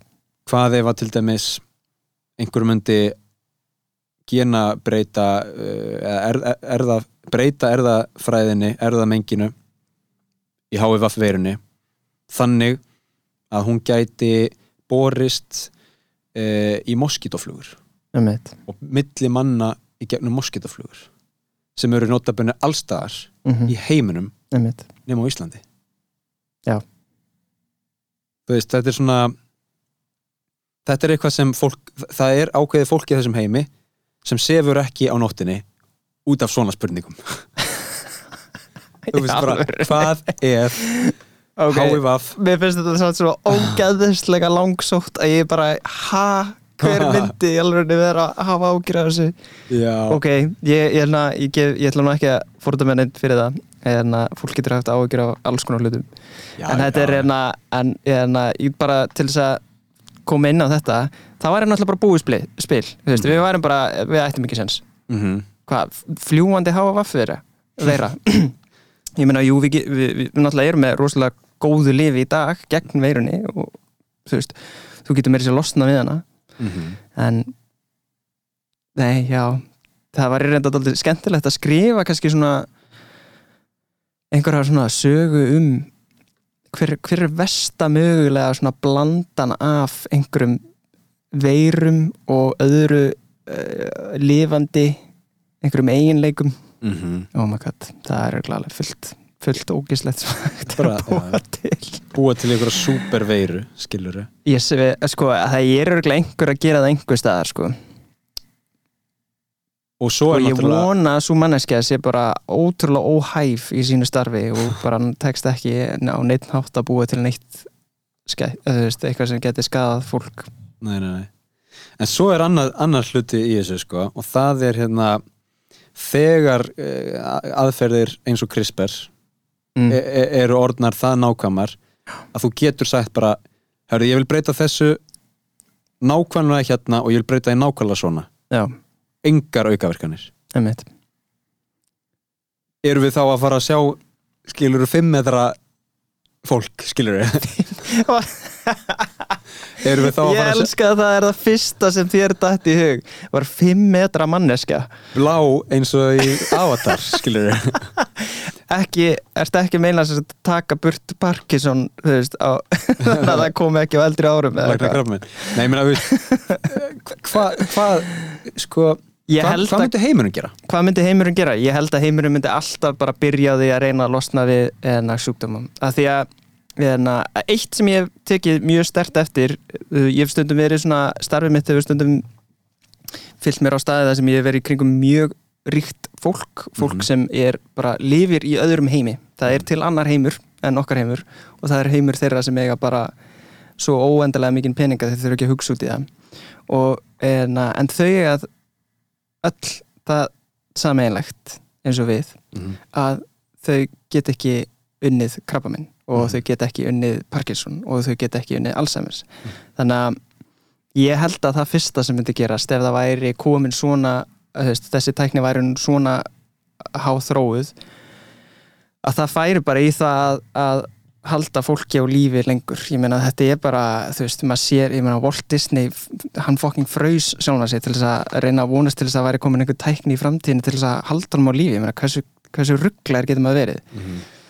Þannig að Elon Musk mun gera það líka. Alveg bókað sko, hann er alveg pottitt með þetta einhvers staðar, ég held að hann sé meira spöntur fyrir því að koma sér inn í einhverju tölvu. Já, en já. ég held að sútækni er svona að svipa langt í burtu og að ferðast til annar að reikisterna, þú veist, þetta er það er alveg galið að reyna að sitja eitthvað einhvern heila í tölvu, þú veist, mannsheila. Einmitt. Eh, þetta er bara svo allt öðru þessi funksjónir og eitthvað. Ég, ég, meina, ég, ég held að sé alveg mögulegt að setja meðvitund í eða, eða sko set einhvern veginn að kortleggja þig sem já, já, persónleika algjörlega, þú getur kortlagt þig. Já, en þú ert aldrei að fara að fylgja með. Nei, nei, nákvæmlega, það er einmitt máli Þú ert aldrei að fara að fylgja með. Veist, þetta er ekki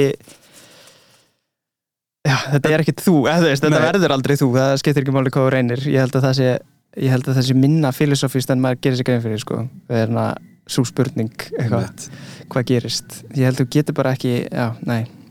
Glemdi því þetta er bara mjög sinnist þegar hérna Black Mirror þáttur veist, þar sem þar sem þú deyrð en í staðinn kemur einhvers konar androidi sem er svona með þinn persónleika Annað sem ég held samt að til þess að fara aftur í það sem við vorum að tala um að ég myndi hræðast þetta mjög mikið veist, að, að vera með svona mikið valdi yfir því hvað við getum gert við gena mengið okkar Mhm. og ég held að flestir upplifið það líka en, en uh, við erum svo félagslega sterk vera og við gerum allt sem við getum til þess að en, manipuleita okkar einn útlitt þannig að veist, þetta er náttúrulega bara beintengingin á það.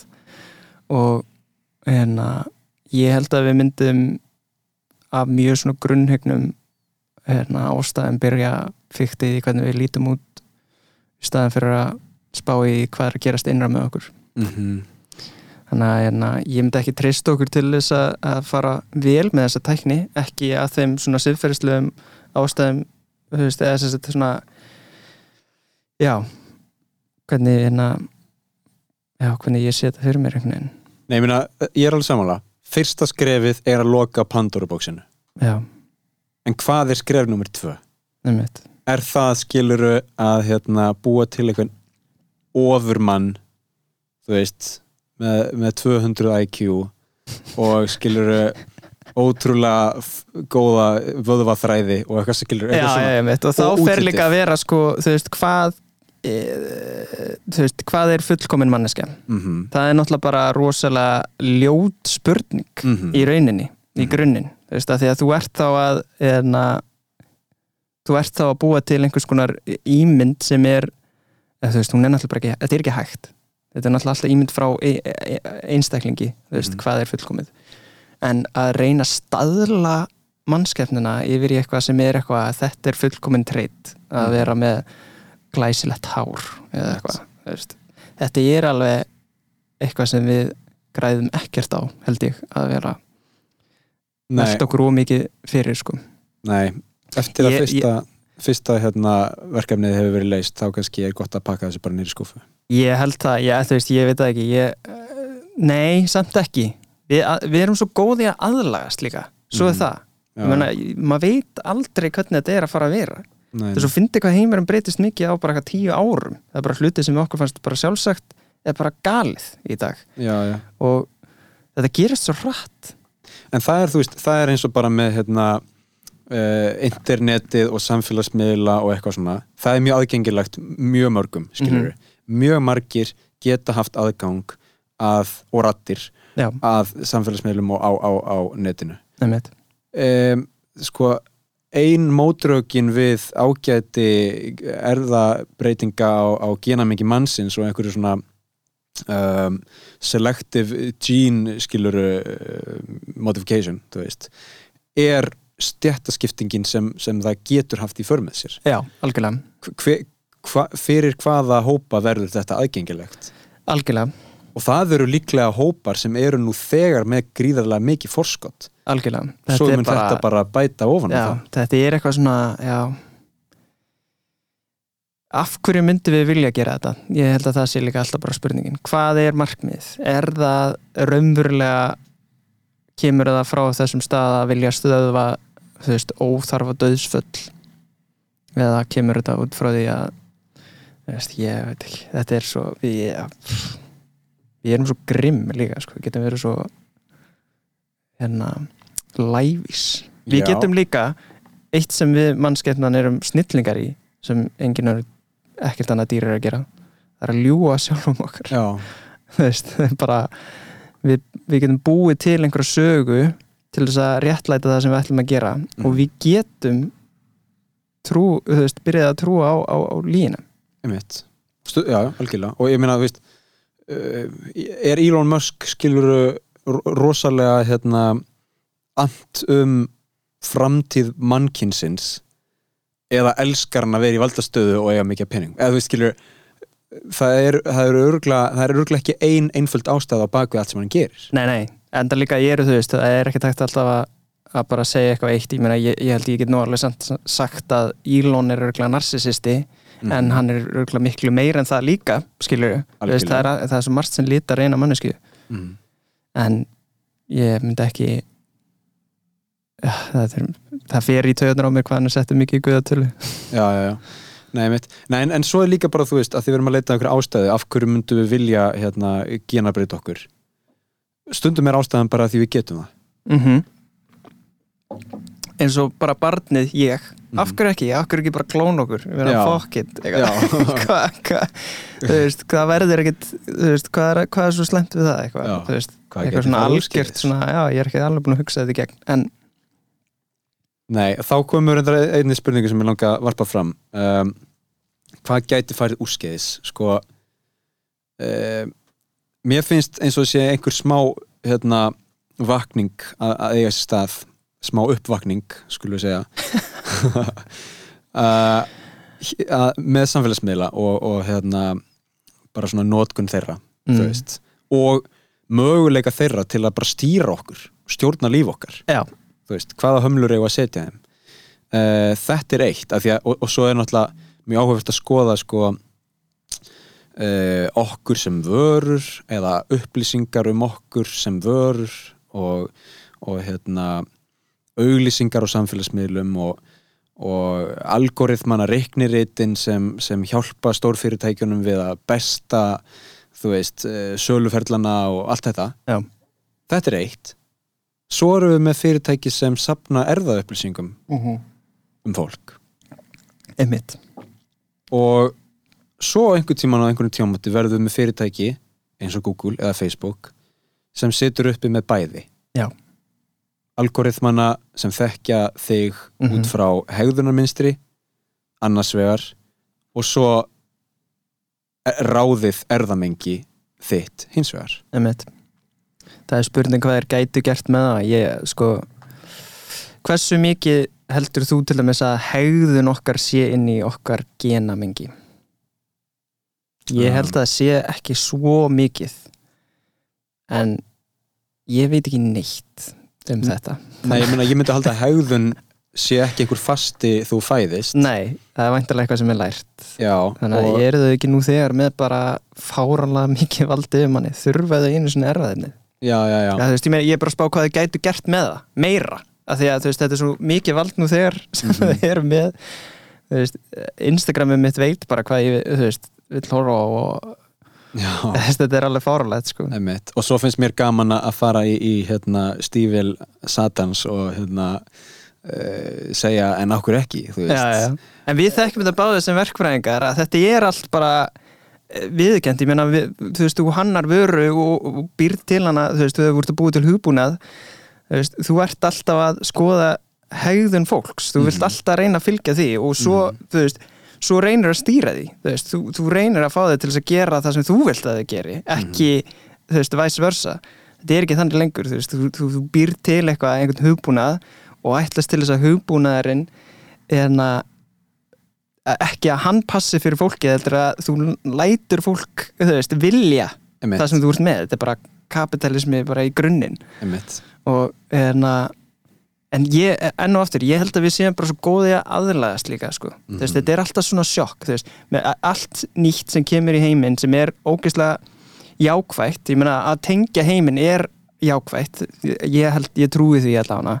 Ég held að við séum að mörguleiti bara við erum bara að læra meira einn á hvort annað en þú veist þessi, það við getum þú veist, ég meina, þú bjóst í hérna, Japan á sínum tíma og ég meina þú veist, ég veit ekki, þú getur alveg haldið tengslinn við alla viniðina í Japan þú veist, og þetta er alveg magna dæmi. Mm en allt, þú veist, þegar verður til einhver svona tækni þróun eða þegar verður til eitthvað svona jákvætt þú veist, kannski tökum 20 skref áfram þá verður alltaf eitthvað neikvægt sem kemur út úr því. Þetta er svona eins og þegar maður eh, bara í, eh, ef ég fer út í verkfræðin aftur þegar við búum til eitthvað þú veist, eins og græjan sem við byggum til hana fyrir þessi flutningaskip til þess að láta þau þú veist, eigða minna.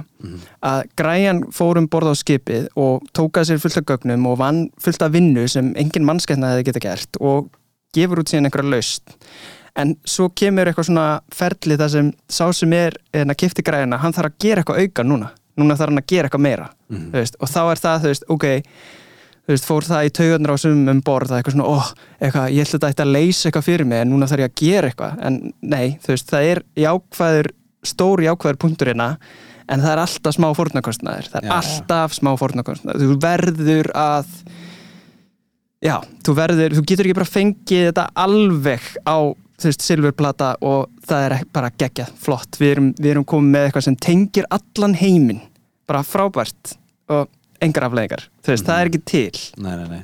Og svo bara, þú veist, lærum við að að vera góðu hvort annað á netinu líka. Eða þú veist, ég veit ekki, ég, ég allan er svo, ég er svo optimistik alltaf, sko. ég er svo já. jákvæður, ég trúi alltaf að besta upp á mannskeppnuna og hún er að við, við erum alltaf að reyna að gera gott en, en við erum stundu kannski að gera það óvarstílt en svo föttum við það og tölum um það og, og, og reynum að leysa það Mhm.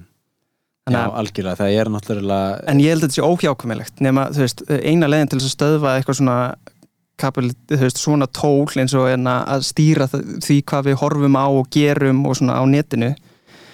Þú veist, það er hægt að sitja, þú veist, leggja fram bara lög um það að það megi ekki veist, að þetta verður bara, þú verður bara að rampa inn á akkurat eitthvað veist, og, það má ekki stýra því hvert og hvert ferð, þú verður að finna það sjálfur eða eitthvað uh, ég held að það bara er ekkert að fara að gerast Nei, þá eru líka aftur komin á þann stað að það býr til sko þessa spurningu ef ég gerir þetta ekki þá gerir þetta einhver annar sko. Já, algjörlega. Og ég meina við lærum síðan bara að vinna með þetta. Ég meina ég, þú veist, ég allan held, kannski er ég bara alveg rugglaður og held að ég sé með einhvers konar stjórn á mínu eigin lífi.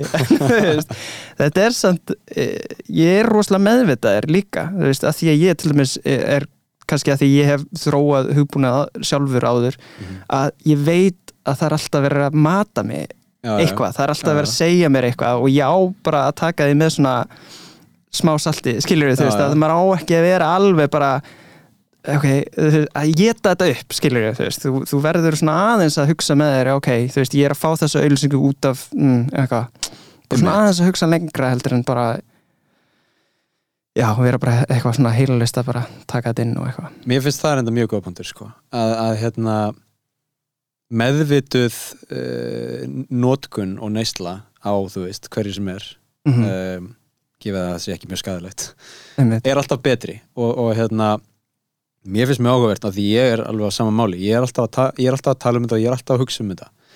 Og ég er mjög meðvitaður þú veist, nú vinn ég líka að einhverju leiti í markasetningu, stafrætni markasetningu og ég er mjög meðvitaður um þú veist, öll trikkin í bókinni og, og hérna, hvernig maður hannar viðmót og, og, og umhverfi og útlit til að gera það aðlegandi einmitt. Uh, og, sa- og, og þann, þannig að ég tökum bara dæmi, í dag fæ ég hérna einhvern svona eitthvað wrap-up af árinu mm frá Spotify. Nákvæmlega. Og ég er bara uh, mjög meðvitaður um að þetta er, þú veist stórt svona fyrirtæki á netmiðlum sem er að hérna uh, læra um mig, skilur taka ykkur upplýsingar, sapna þeim saman og að einhverju leiti að hérna, útbúa eh, flotta playlista fyrir mig og svona. Já, já, en líka, þú veist, að halda þessum upplýsingum eftir og mögulega hérna, áf áfram selja þær eitthvað, maður veit það ekki einmitt en ég bara svona meðvitað leifi mér að indulgja, skiluru og opna Já, já. hérna þennan playlista sem, sem búið að setja fram þessa greiningu um hvernig árið mitt var og ég sé svona uh, hvaða lög ég var að hlusta á í ár og eitthvað svona og, og ég er svona, já, þetta er nú svolítið næs ég er alveg til í þetta, þetta er bara hérna, ég er mjög sáttur með hérna þetta, þessa greiningu. Þessa greiningu, sko. Þannig að það er svona, maður er meðvitað um þetta uh, en ég er samt ennþá Instagram, skilur ég nota Instagram daglega þó ég sé mjög meðvitaður um margar hliðar á Instagram um, og þetta er svona, þú veist, ég held að ég held að við séum alveg byrjuð að aðlagast þessu. Já, já, það er klárlega. En, en ég held að hérna, við séum ekki byrjuð að aðlagast um, erðafræði hlutanum sko. en það höfum við ekki en það held ég að hann sko reyfi sig hægar. Uh, ég held að svo þróun reyfi sig hægar og sé bara ekki orðin nógu sko stór eða mikil eða hérna, við þeim til að uh, skapa einhver raunverulega umræðu uh, hjá almenningi. Já, ef þú spyr fólk út á götu hérna hversu miklar áhyggjur hefur af, af hérna, erðabreitingum á genamengi fólks? Já, ég, ha, hvað séu skilur. Þetta er ekki alveg komið á sama stað og samfélagsmiðlar, myndi ég halda. Nei, alls ekki. Ég, mér, mér líður samt eins og ég hafi hýrt uh, mikið talað um þetta tíma fyrir nokkrum árum síðan. Mm en einmitt, en að ég hef alltaf hugsað með mér um þetta þú veist, við erum ekki, við erum ekkert kom- komin það langt í þessari tæk, tækni að ég sé búin að leggja of mikið á mig til þess að spá í þessu sko, eða þú veist. Nei, en það veist, sem betur fyrir þá erum við með þá erum við með eitthvað svona ákveðið þing og sérfræðinga og fólk sem síðan veltur þessu fyrir sér og mm dreifur fram þessar spurningar þegar, þegar tíminn er réttur. Algjörlega, og líka bara, þú veist, almenningur. Ég, ég segi alltaf, hérna og það er nú hluti ástæðan fyrir tilvist þessar þáttar, sko ég segi, ég segi alltaf að hver sem er geti og eigi að varpa fram alls konar pælingum spurja sér spurninga og spekulera í, í þessum málum sem öðrum. Einmitt, þetta er ekkert óviðkomandi. Nei, þetta er allt eitthvað sem mun eiga við okkur flest á, á næstu árum sko og að hvað miklu leiti veitum maður ekki. Uh, kannski erum við bara í einhverju aðlögunar kurvu akkurat núna og allt, allt verður bara fínt kannski erum við í einhverjum hérna að sigla inn í einhverja dystopíu, ég veit það ekki. En hérna, það er allavega alltaf gott að, að velta þessu fyrir sér. Já, ég held að hérna Já, ég man ekki hvað ég ætla að segja. Ég Nei. ætla að koma einhvern geggjaðan punkt. Datt út, þetta var svo góð ræðið Já, já, rétt að lókum ég, hérna, ég spyr alltaf. Hvað er svona á döfinni og, og hvernig væri fullkomið 2022 Á döfinni, á döfinni er uh, ég er fer til uh, Bretlands, hérna fer til London núna uh, á ammælisteginu mínum, 31. januar mm uh, og er þá að fara að taka þátt í síningu í Bretlandi í, í Jack Studio Theatre í Brooklyn og er þar að, að leika í leikriti sem heitir Richard II -hmm. uh, frábært verk sem er ekki oft sett upp en þetta er Shakespeare um, ég myndi segja frábært ár eða svona hið fullkomna ár er hérna að halda áfram að eða svona miklum tíma með kæristunum minni sem búið að vera bara alveg bara, þetta er búið að vera æðislegt ár sko. Þetta er nú Mhm. þegar eiginlega búið að vera ógeðslega gott ár sko þannig ég eiginlega get ekki kvartaði við neinu Mm en en að ofan á það þá væri ég til í að, að, að fá að leika á íslensku sviði og en að ég átti að vera í verki en að núna Orlando í borgarleikusinu en það þurfti aðeins að býða með það. -hmm. út af COVID. Þannig að það væri hið fullkomna ár. Fá að leika í Breitlandi og fá að leika á stóru sviðinu hérna á Íslandi. Þá get ég, þá leggst ég í grasið Já, og ég er svona að gufa niður í grassið og breytist, erðamengi mitt breytist í grass og ég er hamingisamur og kemur einn lítill sveppur upp. Já, ég reynda að veit ekki hvort að kæristu mín er ána með það. COVID-free 2022 Já, en að þú getur gleymt því. Ég ætla bara að segja það núna. Ég, það er ástæði fyrir ég nefndi það ekki. Því að hérna, ég, ég, ég er með mjög góða væntingastjórnun núna. Já, já, já, já, þú getur gleymt því að þetta verið búið. And, sagði ég, sagði ég ekki á hann ég var ekki eftir jákvæðir? Já, já, hvað er takmörkuðurinn sko, jákvæðnin. Það er ekkert að vera jákvæðir með hræðilegar aðstæður Já, við erum, Hérna, við erum öll aðalagast. Er það ekki? Jú. Einhverju leiti Já. Herði, Daniel Takafúsa Þórisson Þakka þér kærlega fyrir komuna Já, takk, takk, takk, takk,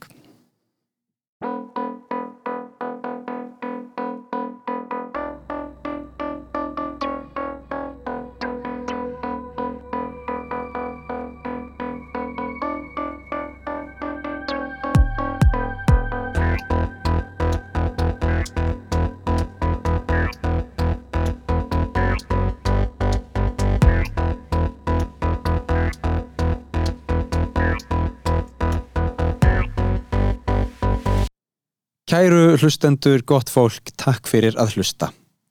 Mér langar að vekja aðtikla á því að heimsendir er komin á vísi.is undir útvarp, vissulega í flokknum útvarp 101 þar sem við eigum jú heima.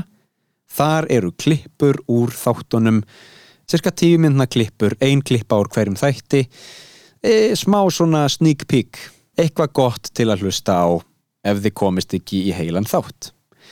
Eh, síðan vil ég byggja ykkur um að kíkja inn á Spotify og henda í follow á heimsendi. Eh, ef þau eru ekki búin að gera það nú þegar og svo að kíkja á Apple Podcasts skilja eftir einhvern og jafnvel umsögn. Það hjálpar mjög mikið. Takk fyrir það og takk fyrir að hlusta og við heyrumst í næsta þætti